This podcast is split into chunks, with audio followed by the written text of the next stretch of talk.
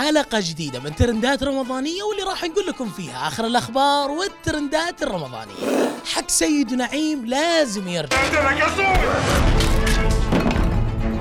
هاشتاج جديد يتصدر مواقع التواصل الاجتماعي بعد عرض الحلقة 17 من المسلسل الأقوى جعفر العمدة واللي حصل فيها مضاربة قوية بين عيلة العمدة وعيلة فتح الله. بعد جواز وداد من شوقي فتح الله.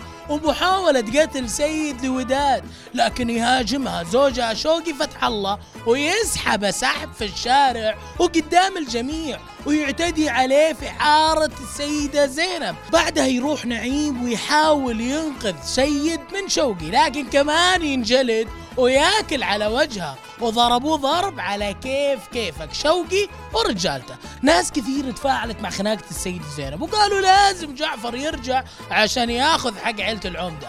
بس جعفر انمسك في مطار القاهرة بتهمة حيازة المخدرات. تتوقعوا إيش اللي راح يصير في الحلقات الجاية؟ وأخيرا انطلاق دوري المزاريطة بمشاركة زيدان وبركات الجزء السابع من مسلسل الكبير وواحد من أبرز المسلسلات اللي الجمهور متابعها.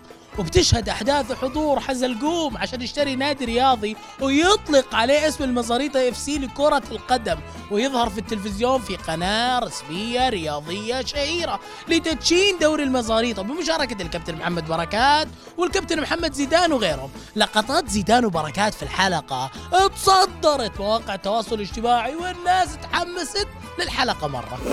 اتهامات جد سليمة بالسرقة. يواجه مسلسل جد سليمة اللي تقوم ببطولته الفنانة دنيا سمير غانم. اتهامات بسرقة الفكرة من رواية للكاتبة روان أبو خشب. كانت قد طرحتها في معرض القاهرة الدولي للكتاب في عام 2021 وذكرت الكاتبة أنها رفعت دعوى قضائية على صناع العمل وشركة الإنتاج لإثبات حقوق ملكيتها الفكرية لقصة العمل. بينما نفى مخرج المسلسل إسلام خيري هذه الاتهامات مشيرا إلى صيغة المسلسل مشيرا إلى أن صيغة المسلسل تختلف تماما عن الرواية. وكذا نكون خلصنا ترندات اليوم. انتظرونا بكرة وترندات رمضانية جديدة. وكالعادة نحب نقول لكم في أمان الله.